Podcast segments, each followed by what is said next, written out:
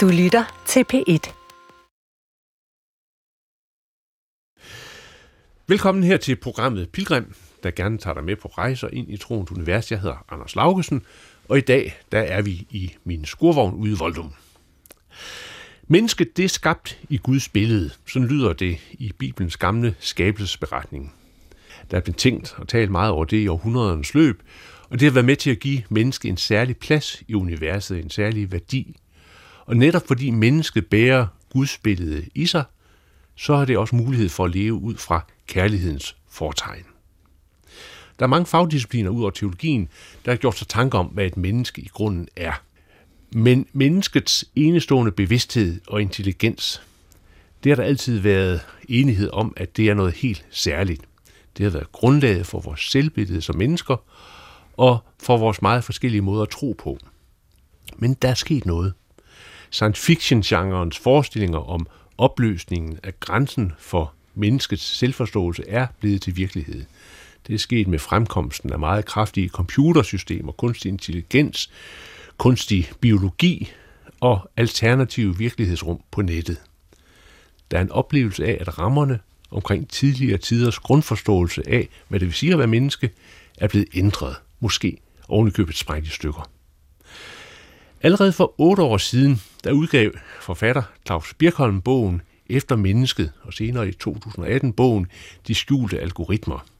Her gjorde han øh, ret tidligt opmærksom på nogle af de dybe problemstillinger, som dag for dag synes mere åbenlyse. Claus Birkholm, som er herinde i skurvognen øh, sammen med mig, er tidligere kollega her på P1. Han har været medlem af Etisk Råd og er direktør for tænketanken Teknoetik. Jeg har inviteret Claus herud i skurvognen, et roligt sted med udsigt til mark og skov, for at få en samtale omkring, hvad er det i grunden, der er sket, og hvor er vi på vej hen. Velkommen til, Claus. Tak skal du have. Claus, vi mødtes i, øh, i 80'erne, øh, og jeg kan huske meget tydeligt, hvordan du som den allerførste forklarede mig og også andre øh, om Gorbachevs brug af ordene glasnost og perestrojka. Kan du huske det? Ja, det, er det kan jeg. Det er fantastisk. Og det er jo godt nok Det er der længe. altså ikke mange, der tænker på i dag. Men det, det, det beder jeg virkelig mærke i. Ja. Øhm, og når man sådan tænker tilbage, så langt til, øh, tilbage, så må man jo spørge sig hvad, hvad var det i grunden for en tid, vi, vi kom fra? Ja, det er rigtigt. Jeg opfatter det egentlig som en tid, hvor vi gjorde os mange, mere, mange flere forestillinger om alle de voldsomme ændringer, der foregik i verden, fordi øh, det var jo øh, slutningen af den kolde krig, der var truslen om øh, atomvåbenkrig i Europa, øh, der var mange folkelige bevægelser, der var fredsbevægelser, der var opbrud i Østeuropa. Jeg har selv været med til at støtte de der dissidenter i Østeuropa. Jeg har selv været ude på nogle missioner for dem og sådan noget. Øh, det var en, på en måde en meget, meget spændende tid, hvor man synes, efter at så kommunismen brød sammen, og muren faldt og så videre, så blev det på en måde, undskyld, jeg siger det sådan lidt mere ensartet, lidt mere jævn, lidt mere trist. Og nu, når du netop nu begynder at italesætte disse voldsomme sprængninger af for, forståelsen af, hvad et menneske er, så må jeg altid sige, jeg synes slet ikke, de påkalder sig den samme grad af engagement, mm. Som det engagement, der prægede 80'erne og 90'erne. Ja, fordi der var jo, måske var det også ideologierne, der gjorde det, at der var virkelig en, en, en, stor opmærksomhed omkring, hvad var det lige, der foregik omkring os og med os, ikke? Ja. Øhm, og der kan man jo nok sige, at, at det, der sker i dag, på mange måder, synes utrolig meget større, faktisk. Ikke? Ja, det kan altså, man nemlig. Det, det, men men vi, vi, vi flyder bare med. Vi flyder med, ja. ja. Øhm, det var da ellers noget af en begyndelse på en samtale. Hold da op. Men altså, noget, noget jeg også godt lige sådan vil med det tilbageblik kigge tilbage på, det er det der med, altså at, at trosmæssigt dengang, så var det på en måde en mere homogen tid, men der var også en begyndende interesse for, øh, for troen. Øh, men hvis vi nu kigger tilbage til sådan omkring 90 og ser på etikkens pejlemærker, hvor, hvor kom de fra? Hvordan, hvordan så de ud dengang? Det ved jeg ikke. Det kan jeg ikke svare dig på. Jeg tænker på, om den kristne arv, den var ligesom... Øh, jeg havde ikke noget bevidst forhold til hvad etik var, før jeg kom ind i det etiske råd. Jeg kunne slet ikke forstå, hvorfor jeg blev valgt ind i det etiske råd, og jeg sagde til øh, ministeren, som skrev til mig og spurgte, om jeg ville træde ind i det etiske råd, det må være en misforståelse. Jeg hører ikke hjemme i det etiske råd. Jeg kunne slet ikke forstå, hvorfor jeg skulle ind i det etiske råd. Men øh, det kom jo til at betyde meget for mig i mit liv, kan man sige. Så jeg forholdt mig ikke så meget til det dengang. Det jeg forholdt mig til, det var jo den verden, vi så øh, blive bygget op eller bygget ned for øjnene af os, og hvordan den skulle blive. Jeg var meget, meget engageret i for eksempel Europas forening eller genforening. Mm. Jeg synes, at 89, da muren faldt, at det var, det var egentlig højdepunktet i mit liv. Mm. Og jeg var meget skuffet over, at øh, EU ikke ville begynde at samarbejde med, med, med de tidligere kommunistisk øh, dominerede stater lige med det samme, men derimod begyndte at, at øh, arbejde med møntunion og alt muligt, som mm. de sagde, vi, vi, øh, vi, kan ikke, vi kan ikke tage os af jeres anlæggende lige nu, øh, det må vente til senere. Mm. Det opfatter jeg faktisk den dag i dag som en meget fatal fejl, der blev begået af de europæiske ledere mm. på det tidspunkt der i 89-90.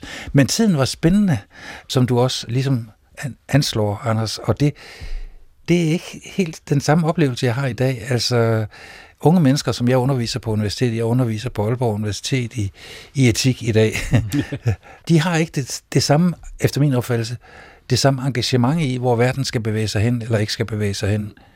De lever mere øh, stille, mindre i bevægelse, mindre i øh, voldsomme engagementer for øh, at gøre verden bedre. Mm. Hvornår, Claus, fik du fornemmelsen af de der øh, store teknologiske omvæltninger, som jo bliver omdrejningspunkter for omkring det, vi skal tale om senere. Altså, hvornår, hvornår øh, begyndte du først at mærke, at, at der er et eller andet her, der, der kommer til at forandre vores tilværelse? Jeg var øh, redaktør på Dagbladet Information, da jeg så nogle programmer om, hvordan man i England og også i øvrigt på Cuba forsøgte at lave nogle eksperimenter med at forbinde computere og menneskelige hjerner.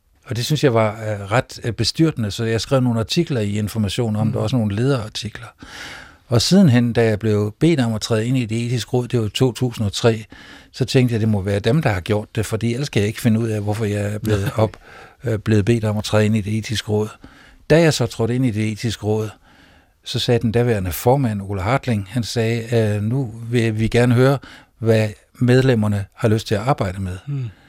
Og samtidig var der en diskussion om, at øh, det etiske råd nogle gange måske kom lidt lovligt øh, bagud i dansen, altså kom lidt sent med sine indstillinger, når nu de nye teknologier til for eksempel kunstig befrugtning og de nye teknologier øh, til øh, aflivning af mennesker, som man, som man så lystigt kalder aktiv dødshjælp. Når nu de kom på banen, så var det, så var det etiske råd allerede lidt sent ude med sine udtalelser. Mm. Så jeg foreslog, at jeg skulle arbejde med netop det der med computer, i menneskehjerne, forbindelser. På den måde kom jeg ind på hele det her felt, som du gerne vil tale med mig om mm. i dag. Det var, det var mit bud på, hvad jeg kunne bidrage med til det etiske råd, fordi jeg var så engageret, for nylig blevet engageret i det. Mm. Og når man så bliver medlem af det etiske råd, så får man jo mange øhm, ressourcer stillet til sin rådighed. Man får ingen løn for at være i det etiske råd, men man får, får hjælp til at arbejde med det, man gerne vil arbejde med. Så jeg kom til i de i løbet af nogle få år at besøge mange spændende forskningscentre og tale med mange spændende forskere, og derfor kom jeg helt op til date med, hvad det egentlig var, der foregik på de der områder, hvor man forsøger at, for eksempel fik mennesker til at styre kørestole mm. ved tankens kraft. Det jo fantastisk, ja. at man kan køre rundt. Det har jeg set og øh, har talt med forskere, der har lavet, hvordan man kan køre rundt i en kørestol, og den man ønsker den hen til den dør, så man kan ikke se det på vedkommende, men han styrer den. Han styrer den med tanken. Ja.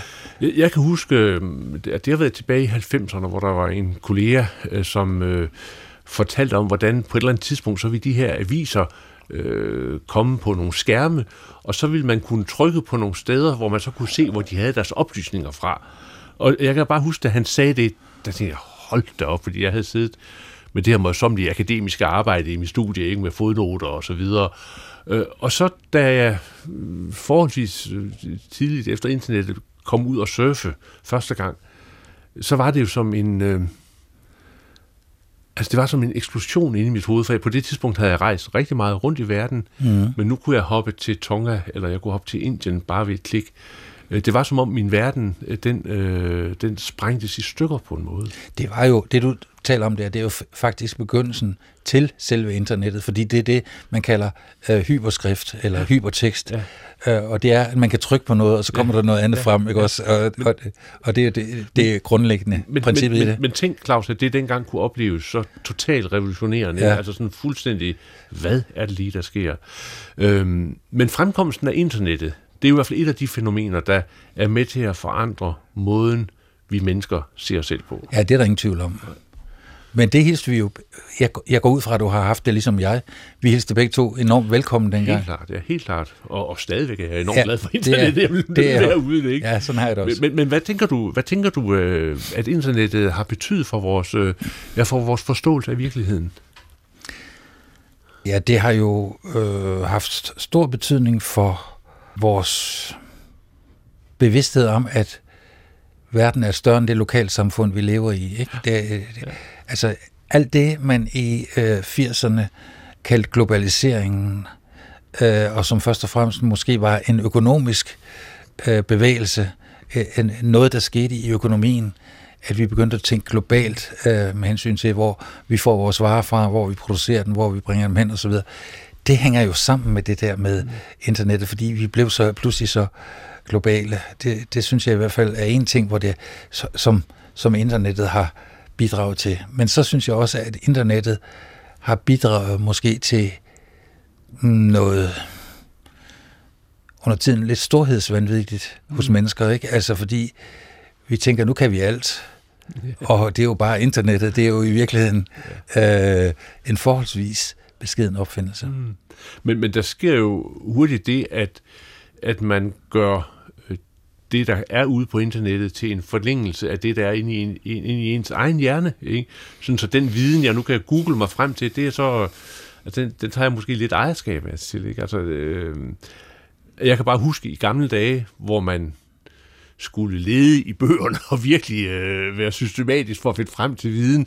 Der var det at vide et eller andet sådan specifikt, det var noget, det var noget særligt i dag, hvor man googler sig, jamen så, øh, altså, der er sket et eller andet med det. Ja, har du så smidt dine bøger ud? Nej, det har jeg ikke, det har jeg ikke, nej. Det har jeg bestemt ikke. Men, men, men jeg, mener bare, altså, det, der sker noget ved opfattelsen af virkeligheden i, altså hvad er viden for eksempel, ikke? Jo, måske nok, ja. Øh, du ble, mener, at viden er blevet mindre respekteret? Ja, det mener jeg faktisk. Ja. Altså, jeg, jeg, har, jeg har haft øh, samtaler med mennesker øh, inden for områder, som jeg har stor viden omkring, og har læst mange bøger omkring. Og, og, og de, har, de har helt klart haft yngre mennesker en opfattelse af, at, når de kunne google sig til svar, så var det et svar, der var øh, fuldt ud på linje med det, jeg ligesom havde af nuancer omkring et eller andet emne, fordi det, det kunne jeg jo se på nettet. Ikke? Jo. Altså, de havde aldrig nogensinde haft en oplevelse af, hvad det vil sige at, at læse øh, mange bøger om et emne og tilegne sig noget, dem jeg talte med her. Ikke? Det, var, det var en aha-oplevelse. Altså, jeg har den oplevelse som underviser på universitetet, hvor jeg nu har været siden 11, mm. at, øh, at mange unge mennesker ikke kan forstå, hvorfor de absolut skal vide og lære det fænomen, jeg nu beskæftiger mig med, når de alligevel bare kan slå det op på nettet, øh, når de har brug for det. De behøver ikke at vide noget, de kan øh, slå op på nettet. Og det er noget, som jeg er rigtig meget forskrækket over. Ja. For det synes jeg er en meget uhyggelig tendens. Jeg, jeg, altså, i alt, hvad vi mennesker foretager os, der går vi jo hele tiden og bedømmer situationer, mm. vurderer, hvad er det rigtige og hvad er det forkerte. Og med i de vurderinger er jo alt det, vi kalder erfaringer. Og erfaringer er ikke kun de erfaringer, vi selv har gjort os. Altså, vi har selvfølgelig gjort en masse erfaringer, som vi benytter os af, når vi forelsker os, eller når vi øh, øh, oplever kriser med kærlighed, nogen går fra os, eller vi selv går fra nogen, eller hvad det nu er, øh, også på alle mulige andre områder, når vi har øh, skulle have job, eller tjene penge, eller købe, eller sælge, eller hvad det nu er. Men bøgerne indeholder jo også erfaringer. Ja. Og det er jo alle de erfaringer, akkumulerer sig jo i mennesket. Mm. Derfor taler man jo også om, at et gammelt menneske kan være vis. Mm. En gammel mand eller en gammel kone kan være vis. Og det er jo fordi vedkommende har akkumuleret en hel masse erfaringer, og derfor kan tage dem med ind i en langt klogere bedømmelse af en situation, end et helt ungt, ubeskrevet blad kan. Mm. Og, og det synes jeg er noget af det vigtigste i menneskelivet overhovedet, og derfor er det meget, meget øh, skræmmende, at der er nogen unge, det er jo ikke alle, Nej, nej. det vil jeg gerne lige understrege, men, men at der er nogen, og jeg synes et voksende antal mm. unge, der ikke mener, at de behøver at lære det pågældende, fordi de kan bare, altid bare slå det op på nettet. Mm. Jeg, jeg havde besøg af, af nogle, øh, nogle af mine øh, ja, unge venner, øh, og hvor vi øh, havde en samtale, de læser statskundskab øh, begge to, øh, omkring det der med bøger, og pludselig gik det op for mig, at de faktisk øh, læser meget, meget få bøger, fordi de er vant til at få udleveret nogle, nogle artikeluddrag, ikke? Men, men, men, men selve bøgernes verden, det var ikke, det var ikke blevet deres. Øh, det synes jeg var... Altså, jeg kom til at tænke på, at den måde, de møder virkeligheden på, er uden tvivl en anden måde, end, end, end, end, end det, der er min måde at møde virkeligheden på, ikke? Men det er der også en anden forklaring på, tror jeg. Hmm. Og øh, der er en forfatter, en amerikansk forfatter, som hedder Nicholas Carr. Ja, The, the, the Shallows, han har skrevet. Han har skrevet en bog, der hedder Shallows, ja. Hvor han beskriver, hvordan mennesker, fordi nettet er der, og fordi nettet fungerer som en afledning, får svære og svære ved at koncentrere sig i lang tid, i for eksempel den tid, det kræver at læse en bog. Ja. Da jeg begyndte at læse, jeg har læst litteraturvidenskab på Aarhus Universitet, der øhm, blev jeg jo nødt til at læse i hvert fald en bog om dagen, og det kunne jeg også godt dengang. Hmm. Det kan jeg da ikke mere, Anders. Det kan jeg da slet, slet ikke. Uh, jeg kom herover til dig i toget, ja. og jeg havde en bog med, som jeg håbede, jeg kunne få læst. Det kunne jeg, da. jeg kunne ikke engang få læst det halve. Nej.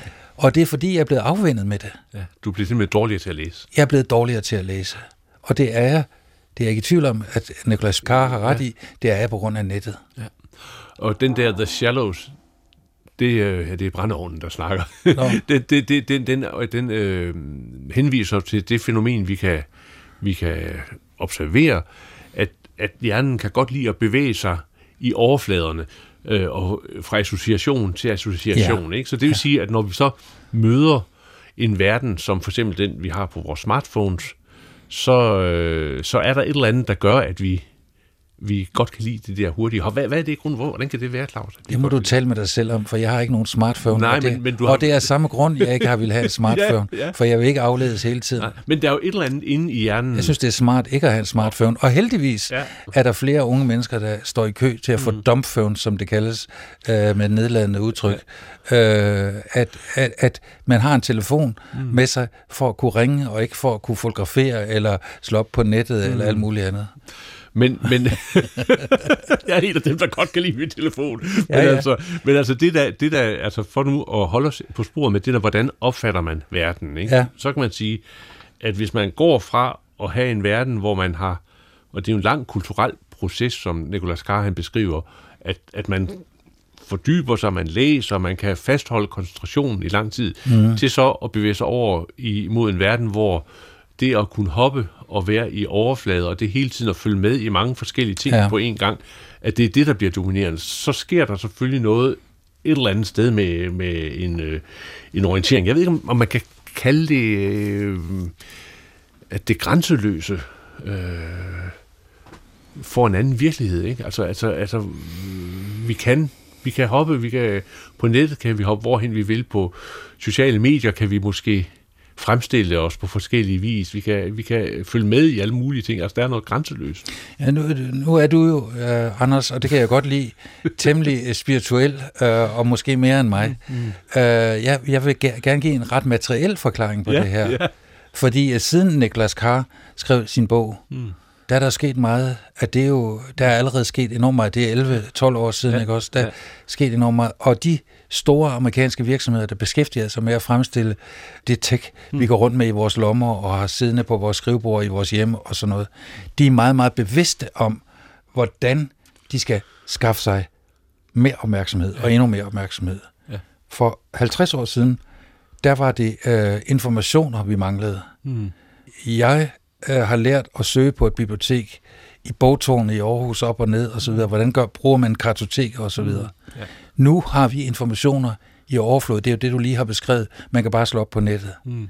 Hvad er det så, der kommer i underskud, når, inf- når informationerne kommer i overskud? Ja, det er opmærksomheden. Mm. Derfor er øh, de øh, forskellige tech-virksomheder jo fuldstændig bevidste om, hvordan de skal skaffe sig og fastholde din og min og andres opmærksomhed. Så det er ikke længere bare en distraktion. Mm. Det er et forsøg på at tage magten over din måde at tænke på. Din tanke er ikke længere fri. Mm. Du har ikke den frie tanke længere. Det er der flere og flere, der er blevet opmærksom på. Det vi kalder tankefrihed og ytringsfrihed er under voldsom angreb. Mm. Og dermed det, som er fundamentet for det moderne samfund, som vi godt kan lide at leve i, som vi kalder demokrati, mm. eller med et bedre dansk ord, folkestyre. Mm. Vi kan ikke længere selv bestemme, hvad vi tænker og hvad vi siger. Mm.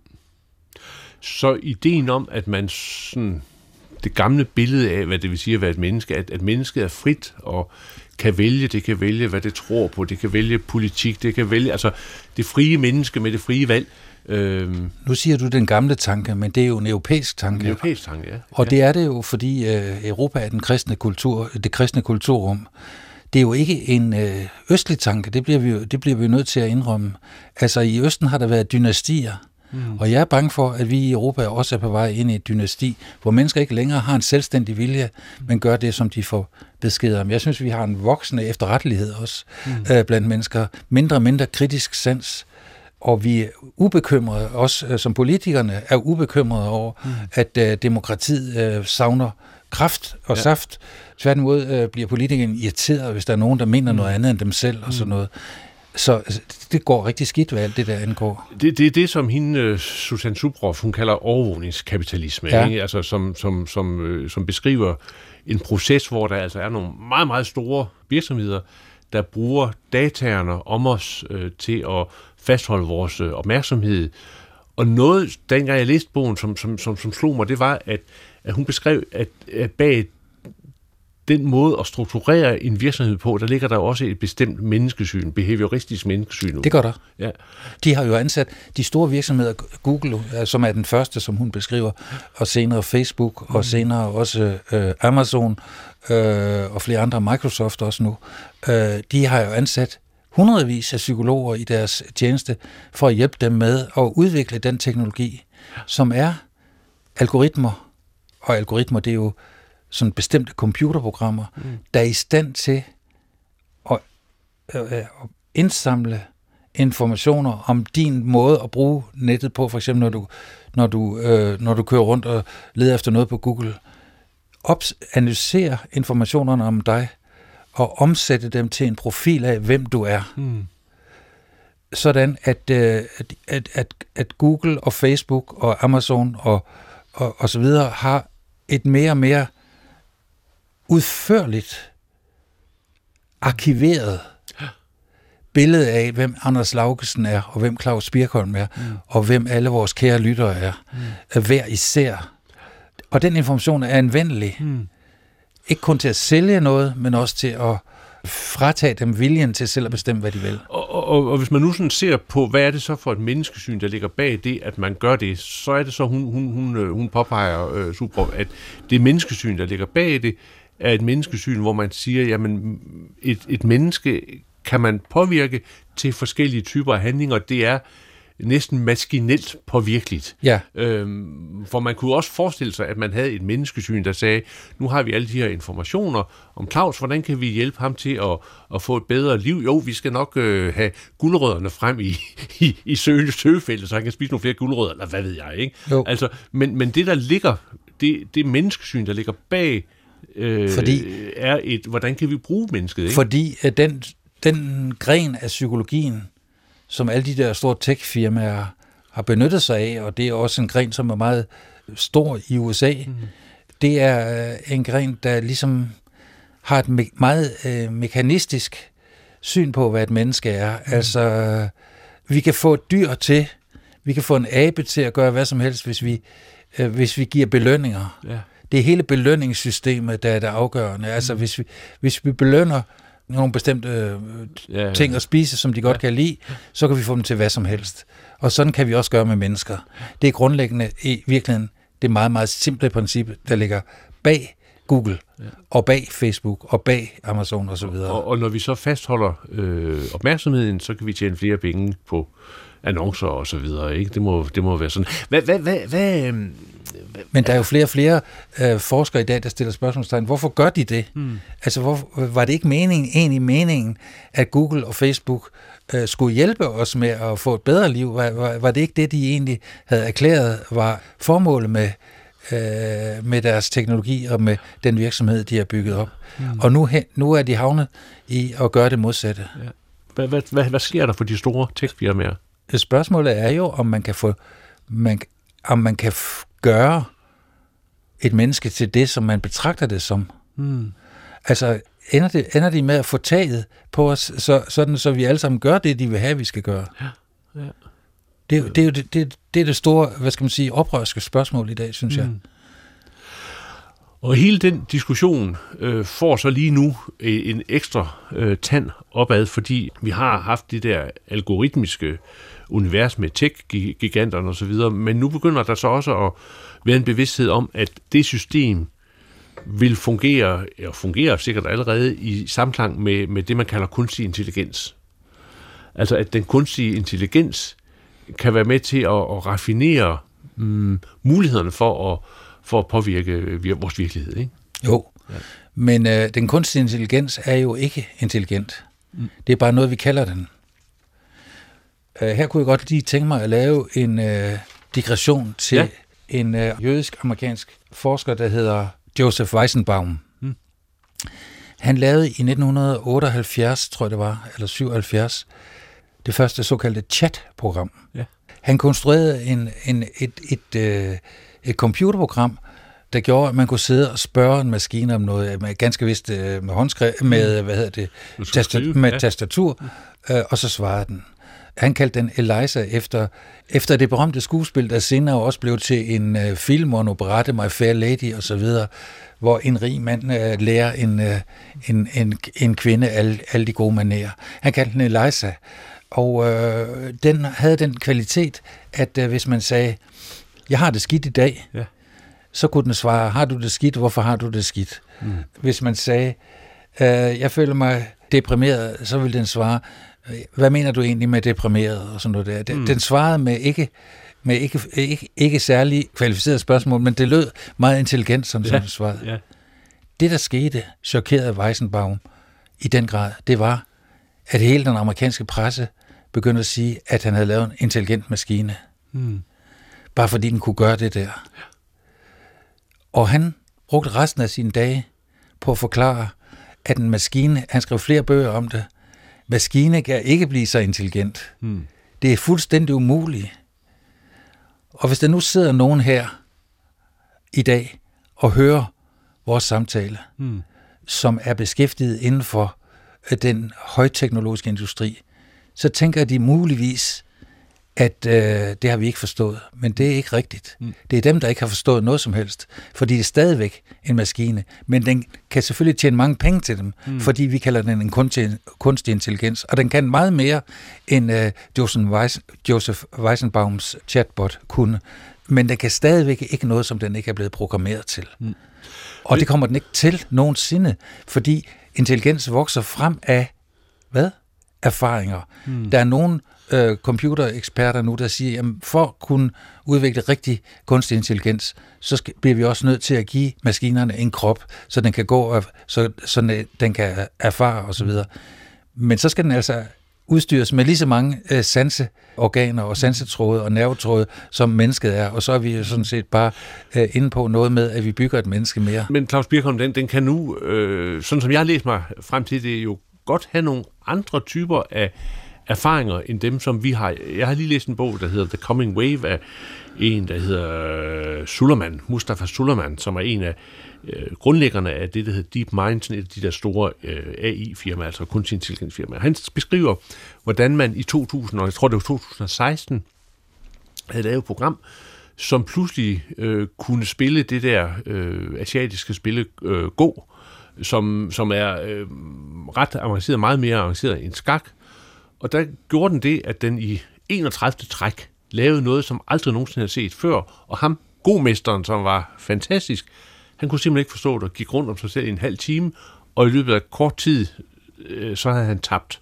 Ja. Og han siger så, når den kunne lave det her træk, som aldrig før var set i historien af, af, af god, så var det fordi, at den havde kunnet gøre sig erfaringer ved at gennemspille spil efter spil efter spil efter spil, og på den måde altså kom frem til noget, der sådan set var nyt. Og, og, og pointen i, i den bog, som han har, han har skrevet, er, at den type af, af nye erfaringer, som man ikke ved, hvorfor opstår, Altså, eller nye, hvad skal vi sige, øh, nye måder at sætte tingene sammen Jamen, på, som man ikke helt kan gennemskue. Jamen det kan man da sagtens, for det er jo et spørgsmål om computerkraft.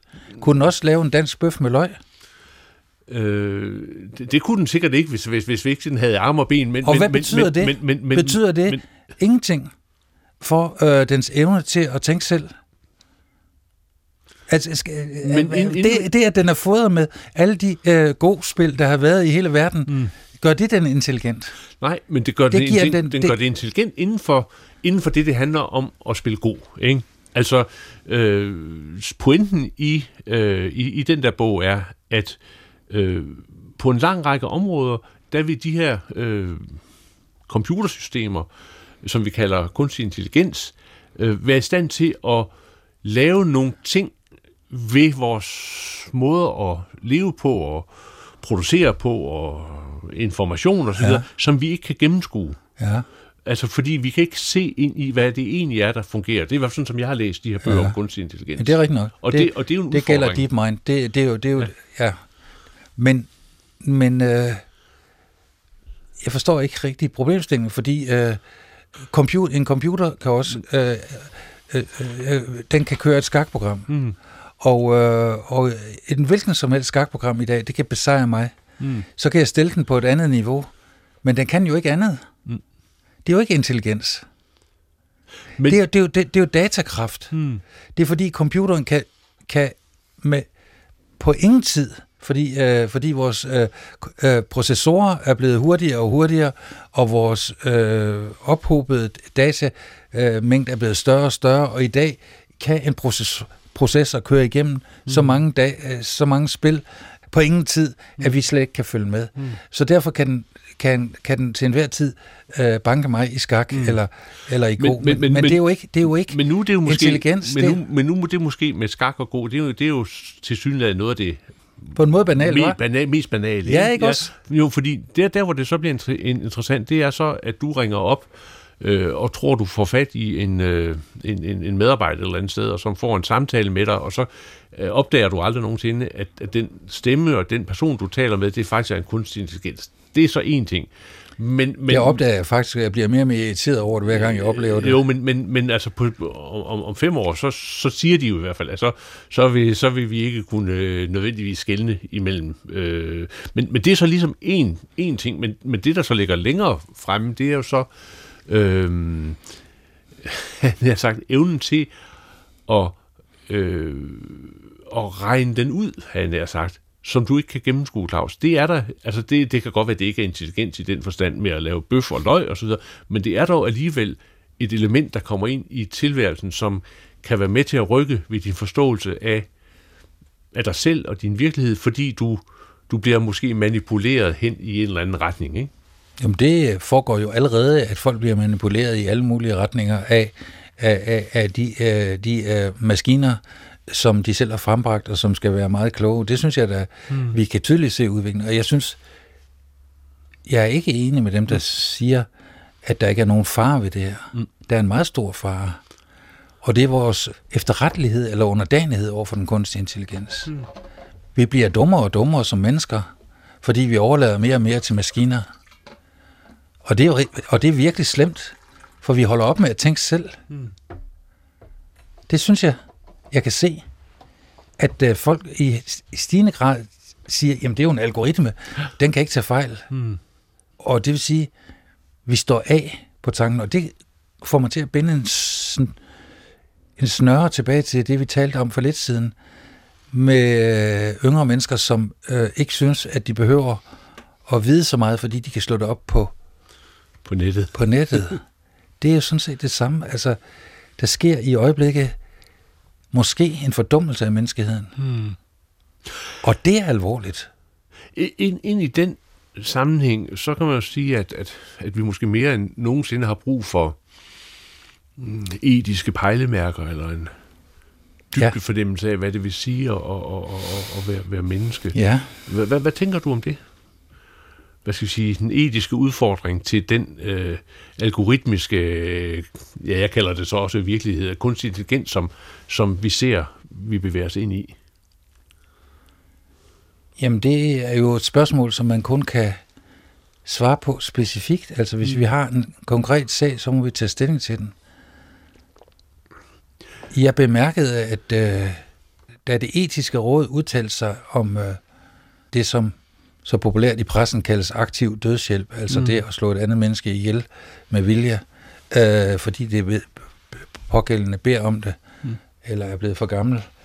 Øh, da øh, det etiske råd havde med stort, stort, stort, overvældende stort flertal, der var vist kun én imod, øh, havde sagt, at det øh, vil vi ikke legalisere i Danmark, så sagde statsministeren, jamen det er fordi det er nogle, øh, det, er, det er fordi det er nogle øh, lægelige eksperter, øh, befolkningen mener noget andet.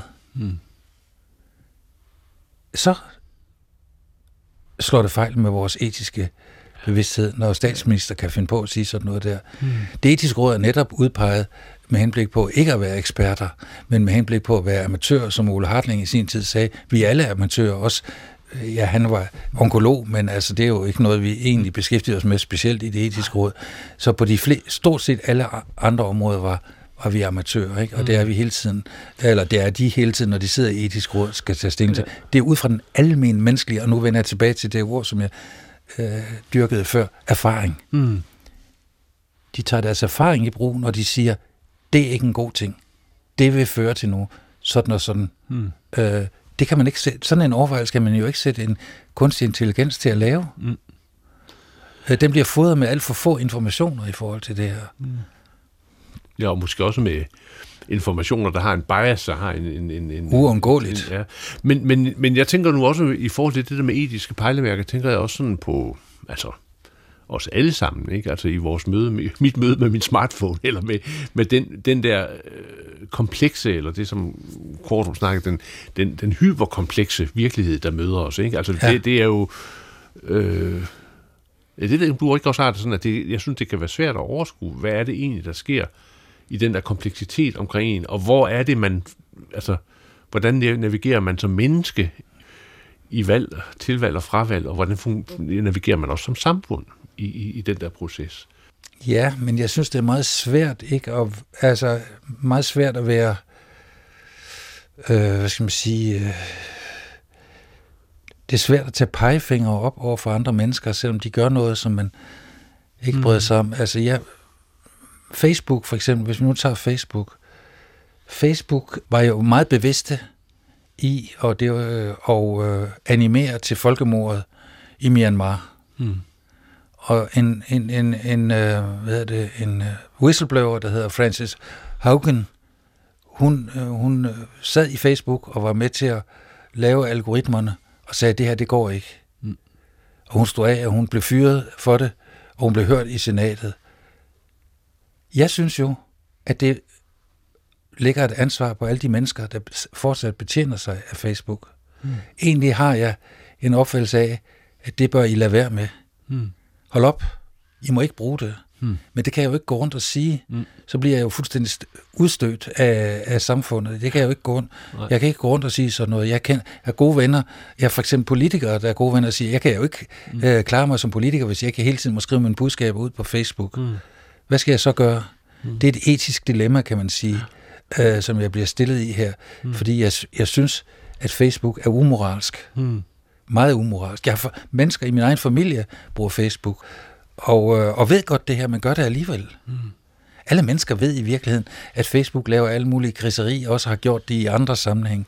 Da Bolsonaro vandt, vandt valget for fire år siden i Brasilien, så stod hans til, tilhængere og råbte, efter, efter at valgsejren blev deklameret, Facebook, Facebook, Facebook, mm. fordi de godt vidste, at det var derfor, han havde valgt. Mm. Til trods for, at han var en mand, der ville brænde regnskoven af. Mm. Øh, så hvorfor har du Facebook, Anders, eller hvis du har det? Ja. det er da ikke aktivt, min account. Det har ikke været mange år. Nej, men altså, men, øh, men, men kan du ikke godt se, hvis jo. jeg begynder at gå rundt og sige jo, det, det til folk... det kan man ikke. Det kan jeg ikke, nej. nej, nej. Det er, er det også... det, du mener med de etiske valg? Jamen, ja, det er på en måde det, jeg mener med de etiske valg. Hvordan, hvordan når, man så, når man så øh, siger, jamen, jeg kan ikke klare mig uden øh, at være orienteret, og det er nu på Facebook, det foregår med, ja. med hvad der sker med mine venner og ja. alle mulige ting. Det der feed, det, det synes jeg bare er rigtig vigtigt i min hverdag. Hvad, hvad så? Altså, øh, har, man, har man så øh, opgivet noget af sin, øh, sin frihed, eller har man netop taget sin frihed til at sige, jamen, øh, jeg ved godt, det her det ikke er rigtigt, men sådan har det vel altid været det gode, jeg, jeg, jeg gerne vil, det gør jeg ikke, og det er måske godt ved, jeg ikke burde gøre, det gør jeg alligevel. Altså, det er jo rent Paulus, jo, ikke? men hvis du kan få altså... det gjort, hvis du kan få, hvis du kan få tilgivelse på den måde, så er det fint. Ja, ja, ja. Ja, men altså, min, min pointe i det her er sådan set bare, at, at, øh, at der tegner sig en øh, virkelighed, og det øh, også i den af The Coming Wave, øh, et billede af en virkelighed, hvor vi bliver utrolig afhængige af alt det, der foregår mm, via tech-giganterne, ikke? Øh, jo.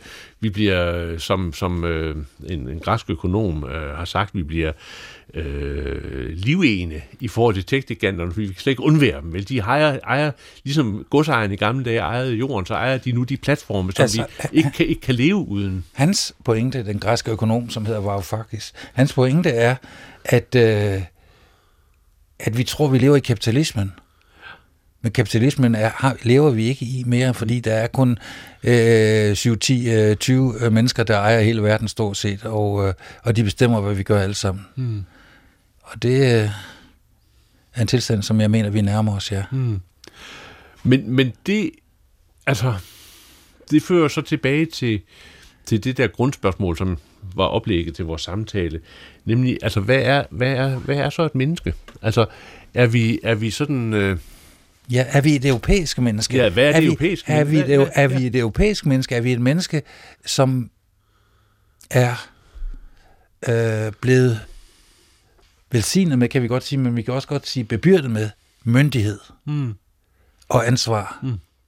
Er vi det menneske, som har vores frihed til at bære ansvaret for de ting, vi foretager os? Ja. Det tænker jeg jo. Mm. Eller er vi på vej til at blive et menneske, der er fritaget for ansvar, fordi det er maskinerne, der har overtaget hele ansvaret, og vi lever ligesom i et uh, tusindårigt kinesisk dynasti, mm. øh, hvor vi bare er numre øh, i en lang, lang række, øh, der ikke er til at skælne fra hinanden, hvor vi ikke længere har individualitet. Mm. Det er den det er det meget jeg ser mm. foran mig. Mm.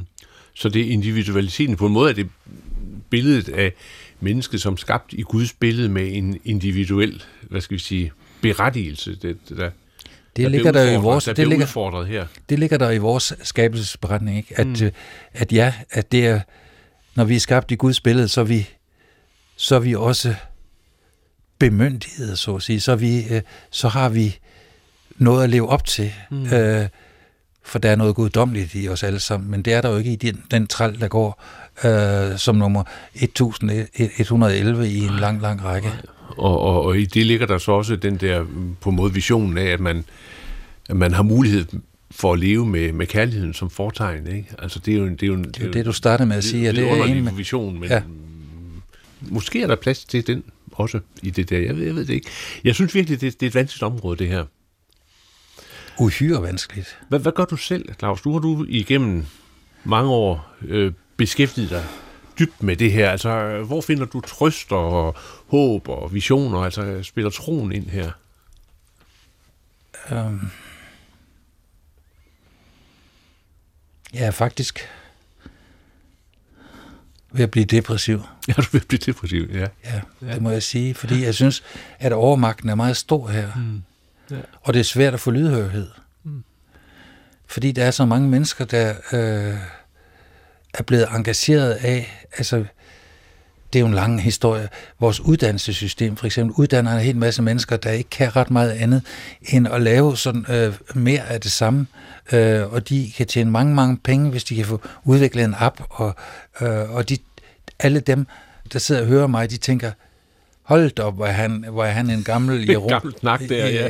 Jeronimus, ikke? Ja. Og de kan ikke tro, at jeg har ret. Mm, nej. Jeg fastholder, at jeg har ret. Jeg ved ikke, at det skyldes, om det skyldes, at jeg ved, at vi lever i en kristen kultur. Vi ved, jeg ved, at vi lever i øh, øh, det europæiske kulturrum. Det ved jeg ikke. Mm. Jeg har svært ved at svare dig. Ja. Hvad, hvad siger du til dine børn, børnebørn? Ja, du tager det til hovedet. ja. Hvad skal jeg sige til min datter, Claus? Hun er 16. Altså, jeg skældner, meget, jeg skældner meget mellem det private rum og det offentlige rum, og det mm. synes jeg er en meget vigtig ting at gøre. Ja. Øh, og derfor fortæller jeg dig ikke, hvad jeg siger til mine børnebørn, om mm. børn og mine børnebørn. Mm. Øhm, men du kan godt men sige mig, jeg, sige mig hvad jeg, jeg skal sige men til jeg lever, men, men jeg lever i en verden, hvor den skældning ikke rigtig bliver fastholdt. Mm. Fordi teknologierne også er så grænseoverskridende. Ja. Og i virkeligheden, nu sidder vi her i Danmarks Radios øh, studie i Voldum, på en skurvogn i Voldum. øh, men jeg vil godt sige, at jeg mener egentlig, at de elektroniske medier har været pionerer for meget af den her ulykke. Mm. Fordi de har forvandlet alting på et tidspunkt øh, til noget, der skulle laves penge på, og det skulle gøres underholdende og så videre. Mm. Øh, så øh, nogle af de trick, som, tricks, som øh, tech-industrien har øh, benyttet sig af, dem har de i virkeligheden lært af tv og radio. Kampen om opmærksomheden. Ja. Nu er vi sådan inde i en skurvogn, hvor der er tibetanske bedeflag, og der er kors fra, ja, de hænger der, der er kors fra Sydamerika og vævede tæpper fra Kina. Og, altså det er sådan et, et rum, der, der er masser af, af religion øh, herinde. Ser du religionerne have nogen øh, plads, nogen rolle i, i den der, i det der fremtidsperspektiv? Altså, i dag er det jo sådan, at folk tror, når de ikke går i kirke, så har de ikke nogen religion. Mm. Det kan jeg slet ikke gøre noget ved. Altså, folk kalder sig ateister, uden at vide, at de ikke er det. Mm. Så det er jo lidt svært. Og hele, det, hele, hele, det, altså, hele den krig, der foregår i Ukraine i dag, mm. Øh, og som jeg gerne vil snakke om i to timer herefter, hvis vi havde det, den trodser jo det, den kendskærning, at øh, der er et helt øh, kristen kulturrum her, som ikke bare kan identificeres med en enkelt leder, øh, Putin, øh, og hans eventuelle drømme øh, om verdens erobring, hvad jeg jo det slet ikke tror, han har, men det er så noget helt andet. Den forståelse, vi har af for eksempel krigen der, er alt for præget også af influencer og, øh, og Facebook-opslag, mm. og jeg ved ikke mm. hvad. Øh, og desværre altså også efterretningstjenester, hvis kilder vi ikke kan kontrollere. Men der er en religion der. Der er en tro der, som er mm. meget stærk. Jeg har rejst over for at se den og opleve den russiske ortodoxe kirke. Den er jo fantastisk. Mm. Og der findes også ortodoxe kirker i, øh, i det sydlige øh, og sydøstlige mm. hjørne af Europa og sådan mm. noget der. Det er der jo ingen, der beskæftiger sig med eller interesserer sig for overhovedet. Øh, der burde jo være fred og samforståelse mellem mennesker, og, øh, og det, det, som jeg ser politikerne, de politiske magter forsøge, det er at undertrykke den tendens, mm. eller den bestræbelse. Mm. Men, men jeg tænker på, om, om religionen kan have en, en rolle i forhold til det at hjælpe os med at navigere igennem den her komplekse tilværelse. Altså, det er mit håb. Øh, forstå, at ja, hvad det er for nogle, hvad det er for nogle kræfter, det er mit håb. Vi, vi er oppe imod. Ja. Men jeg kan jo ikke sige ret meget nej, andet. Nej, for man det. kan jo sige, at religionerne har altid skulle forsøge at identificere de kræfter, som menneskelivet øh, udspiller sig i forhold til. Ikke? Jo. Men i dag er det jo sådan, at øh, nogle mennesker, hvis de hører den her samtale, mm vil sige, nå, det er bare religion, så er det lige meget, så behøver vi slet ikke at høre efter det. Mm. Hvis, hvis vi, ikke øh, også? Jo, det er fuldstændig rigtigt. Hvis vi, hvis vi kigger rundt her i øh, skurvognen. skurvognen her, så derovre i hjørnet, der er der en Buddha, du kan se, den er helt over hjørnet der er bordet, øh, og der er flere buddhistiske symboler. Der er også en dansende Shiva, altså østlige religioner. Og, og man kan sige, noget af det, der kendetegner en østlig måde at, at tænke på, det er jo øh, en nedbrydning af det, som virkeligheden består af, for at pege på, at man egentlig kan konstruere virkeligheden. Og at når man møder en virkelighed, så er det også fordi, at sindet har en bestemte måder, eller bestemte matrix, og, og møde det, der nu er ude på den anden side af ruden på. Ikke? Altså, når vi møder hinanden, så møder vi hinanden igennem et filter, igennem en konstruktion. Og ind i den sammenhæng, hvis man ser virkeligheden som, som, øh, som konstruktion, øh, så kan man jo godt sige, at, at måske, er det, måske er det en kamp om, hvordan virkeligheden skal se ud. Hvad er virkeligheden, som vi står overfor lige nu? Mm. Fordi øh, de her tech-giganter mm. øh, også har nogle billeder, som er med til, at vi at, at give os det et, nogle nye prismer at forstå virkeligheden igennem. Jo, jo. Hvad tænker du om den? Altså, at virkeligheden hele tiden står til forhandling. Hvad tænker du om den, den tanke? Jamen, jeg tror, at der er mange af, af de selv højt, højt ansatte øh, blandt tech-giganterne, der er små budder stående på, på deres kontor. Hmm. Men om det, nogen, om det har nogen indflydelse på det, de foretager sig, det kan jeg slet ikke svare på. Fordi når du henviser til de østlige religioner, så må jeg sige, det er jeg ikke ret meget øh, forstand på. Mm. Det kan jeg ikke udtale mig ret meget. Men, men selve grundtanken, Claus Birkholm, om at virkeligheden konstrueres, altså det er jo sådan, det er jo ikke bare en østlig tankegang, men at virkeligheden står til konstruktion, at hvis vi, øh, hvis vi ruller nogle andre konstruktioner ud, jamen, så ser virkeligheden anderledes ud. Altså tag nu for eksempel øh, nazismen. Ikke? Ja. Den havde et bud på, hvordan virkeligheden så ud. Øh, og hvis de havde sejret, jamen, så, havde, så havde de fleste menneskers virkelighed øh, forståelse af virkeligheden. I den forstand har du ret. Set, set anderledes ud, ikke? I den altså, forstand har du ret, men det ændrer jo ikke med, ved, at når jeg sidder og kigger her ud over dine marker her i Voldum, så er det en virkelighed, som ikke kan forandres. Hmm. Øh, den kan forandres ved, at, at der kan komme et byggefirma og begynde at opføre højhus, eller hmm. der kan komme nogen og anlægge en eller anden, men, det, men virkeligheden er jo skabt. Ja. Og, øh, og det er måske mest savner, hvis vi endelig skal snakke om mm. religion i den her sammenhæng, øh, i al den, al den her bestræbelse på at udvikle kunstig intelligens, udvikle øh, syn, syntetisk biologi, som du også snakker om, og udvikle algoritmer, der kan styre vores adfærd, det er agtelse. Mm. Agtelse for det, der er skabt. Mm ikke er vilje til at lave det om endnu en gang, eller lave endnu mere om, men agtelse, mm. øh, som jeg har lært af Ole Jensen, som lærte det af Knud Hansen. Øh, det har jeg respekt for. Men, men det er jo lige præcis også en, et, en måde, et prisme at se ud på. Nu siger du godt have en, en, en lille fasan her, lige ud foran vores vindue. Der går to små fasaner øh, foran vores vindue, ikke de lister forbi og vi kan, vi kan enten se på dem, hold op, nu skal vi have fat, fat i vores øh, skyder, og så kan vi få en fasansteg, ikke?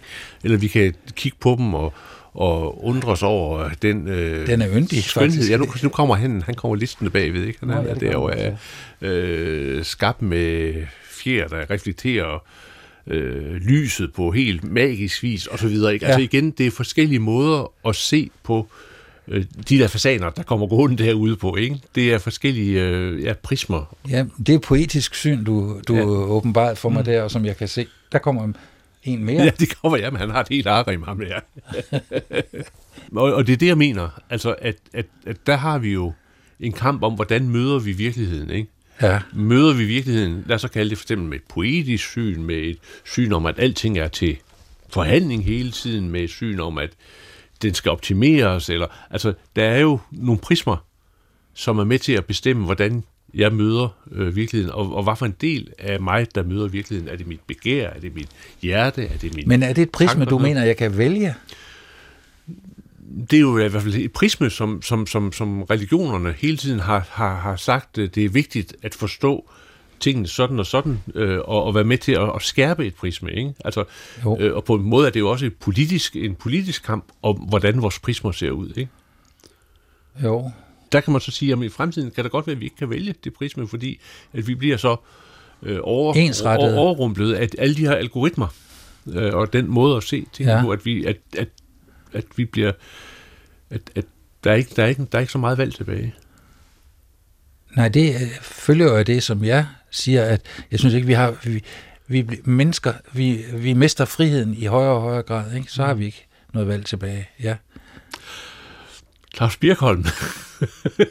jeg vil ikke sige således opmuntret, fordi det kan man ikke sige. Nej. Men, øh, men således øh, oplyst øh, vil jeg sige tak, fordi du øh, tog vejen herud til, til skoven.